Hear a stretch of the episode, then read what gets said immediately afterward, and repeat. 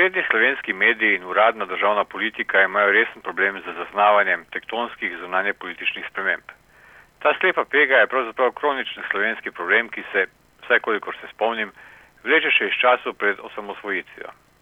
Spomnim se trenutkov, ko sem na nekdanjem FSPN-ju poslušal dolge tirade profesorjev o socializmu kot svetovnem procesu in moral na izpitih na pamet zdržati vse konference neuvrščenih ter njihov usodni vpliv na svetovno politiko. No, vse vroče razprave s profesorji so bile zanimive. Vsi smo nekako vedeli, da se ta ideologija počasi sesuva in tudi profesori so bili zato vse bolj odprti za kritike in nove ideje. Potem se je čez noč vse spremenilo. Spremembe, za katere smo si prizadevali tedajni študentje, so se nenadoma zgodile. To zato ni bil samo svet, v katerem si lahko svobodno povedal, karkoli si želel. To je bil tudi nov svet, poln drugačnih pasti, lažnih ideologij in prevar. Vodilna vloga ZDA je zamenjala neuvrščene evropske vrednote, bratstvo in enotnost, načelo neintervencije, podpora humanitarnim intervencijam, miroljubno koeksistenco, pa ustvarjanje novega svetovnega reda, ideologijo komunizma, pa neomajna vera v čudežno moč tržnih sil. Na področju zunanje politike so kar čez noč zrasli novi okopi ortodoksije. Kdor ni bil z nami, torej nesporni podpornik odločitev ZDA in navdušenec nad odločitvami Zveze NATO, ta je nenadoma bil proti nam. In seveda je prav vsak v tem krasnem novem demokratičnem svetu lahko povedal svoje mnenje. Le da so tisti, ki so povedali napačna mnenja, kmalo spoznali, da lahko svoje mnenje izražajo le še na obrobju slovenske medijske krajine. Kritika socializma ob koncu 80-ih let ni bila posebej nevarno početje. Tudi v demokraciji je kritika institucij svobodnega sveta nenadoma postala nedopustna herezija. Grešnikov sicer država ne preganja več zaradi verbalnega delikta, zato pa jim toliko bolj uspešno natika finančne nagobšnike. Kajti cenzura v sodobni demokraciji ni vsebinska, tako kot je v socializmu, pač pa je osebna, personalna. Vsak lahko načeloma pove vse, tudi po drugi strani tisti, ki govorijo napačne zadeve, tega ne morejo početi skozi osrednje družbene kanale in medije. Težava takšne politike je samo ena, da je tako kot je bila za spremembe v svetu slepa socialistična oblast, tudi sodobna demokratična oblast slepa za spremembe, ki se bliskovito odvijajo v svetu. Osrednji mediji tako zunanje politično dogajanje opisujejo v skladu z ustaljenimi obrazci, kjer se posredno ali neposredno hvalijo uspehi naših zaveznikov, hkrati pa se z najbolj črnimi barvami opisujejo koraki nasprotnikov naših zaveznikov. In tako dobimo popačeno podobo sveta, kjer osrednji mediji tudi ob najbolj nazornih in posebej očitnih poraznih naših zaveznikov še naprej ponavljajo očitne neumnosti, ki so v kričečem nasprotju z dejstvi v realnem svetu. Istočasno pa država finančno kastrira še vse alternativne medije, ki znova ostajajo edini prostor za popolnoma svobodno razpravo. Nepričakovan preobrat v reševanju sirske krize, do katerega je prišlo po spretnem posredovanju ruske diplomacije, je verjetno najbolj očiten primer opisanega.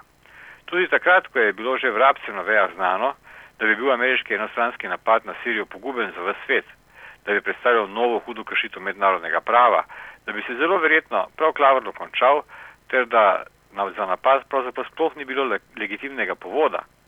Smo lahko z ekranov nacionalne televizije poslušali samo enostranske obtožbe na račun Asadovega režima. Ni seveda dvoma, da je Asad objektivno odgovoren za številne zločine, to da dogajanje v Siriji vsekakor ni mogoče razumeti niti brez podatkov o neposrednem vmešavanju in podpori sosednjih držav v sirski konflikt. O čemer pa vse na slovenski nacionalki in podobnih medijih ni bilo veliko prispevkov. Vrhunec travestije je bil verjetno trenutek, ko je dopisnica nacionalne televizije iz Bližnjega vzhoda ob nepričakovanem obratu sirske krize sporočila, da mora Asadu res teči voda v grlo, saj je v enem dnevu ne samo priznal, da poseduje kemijsko orožje, pač pa ga je pripravljen tudi uničiti. Od slovenskih osrednjih informativnih medijev nikoli nisem pričakoval novinarskih presežkov, tudi ko sem slišal ta stavek, sem pred televizorjem za trenutek obstal kakor okopan. Res je potrebno imeti posebno žilico za trenutek, ki je predstavljal največji poraz ameriških in izraelskih jastrebov na svetovni sceni, predstaviš kot poraz tistih, ki so iz takšnega preobrata išli kot največji zmagovalci. Ob tem Sirija sploh nikoli ni skrivala dejstva, da ima kemično orožje, prav zaradi kemičnega in jedrskega orožja Izraela, kar pa seveda ni bila tema, ki bi bila prisotna v srednjih domačih medijih. Seveda pa to ni nenavadno. Več kot dve desetletji strajnega ponavljanja trditve, da sta na primer Rusija in Kitajska samo dve prepreki, ki vedno znova onemogočata reševanje te ali druge svetovne krize, je seveda pustilo nekaj vpliva tudi na dušah mladih, karier željnih, predvsem pa zaradi ponavljanja uradnih resnic dobro plačanih slovenskih zunanje političnih novinarjev. Da gre za očitne neumnosti, pa je vedel vsak, ki se je bil o dogajanju v svetu pripravljen informirati kar brez slovenskih cenzorskih plašnic in avtocenzorskih filtrov. Tako je na primer na strani katarske televizije Al Jazeera, ki sicer več let goreče podpirala sirske upornike, išel članek Barnavija Philipsa, ki v sirskem preobratu ni videl poraza Asada. V komentarju Sirija na pragu novega sveta je jasno povdaril zgodovinske pomene preobrata, ki so ga slovenski mediji z redkimi izjemami popolnoma zgrešili. Z usponom Rusije in ameriško neodločnostjo okoli Sirije se kažejo znaki, da se svet pomika izven ameriške hegemonije. Le kaj nam torej sirska kriza govori o državah, ki so bile upletene v njo? Ko bodo prihodni zgodovinari ocenjevali zgodnja leta 21. stoletja, bodo dogodke zadnjih treh tednov najverjetneje ocenjevali zelo pozorno. Narodi se uspenjajo in padajo skozi desetletja, tudi včasih ima en sam posamezni dogodek tako velik pomen, da se zanj zdi, da je razkril bistveno resnico o razmerah, ki so dolgo časa se razvijale do te točke. Pomislite samo na suješko krizo leta 1956. Britanci in Angleži so bili dolga leta podrejeni ZDA, to da šele ponižujoč neuspeh ene same imperialne avanture je razkril formalno smrt starega evropskega reda. Na podoben način v tem, da predsednik Barack Obama ni želel uporabiti vojaške sile v Siriji, kot tudi pomankanje podpore za ta korak v kongresu, mnogi vidijo kot trenutek, ko so razmišljanja Timotija uh, Gartena Aša in uh, Rožerja Kojena na podobni točki, da so ZDA odstopile od vloge edine supersile, je opozoril novinar. Na zelo podoben način so sirski preobrat komentirali tudi mnogi drugi zunani politični analitiki. Ruan Cole je menil, da so veliki poraženci tega preobrata sirijski jastrebi, ki so upali, da bo ameriški napad na Sirijo z manevriranimi raketami Obamino administracijo zagotovo vpletel v spopad na strani upornikov, medtem ko je Noam Čomski cinično ocenil, da je šlo za poraz ZDA, iz katerega je državo izvlekel Putin in da so se ZDA v tem konfliktu obnašali kot odpadniška država, ki se ne ozira na mednarodno pravo.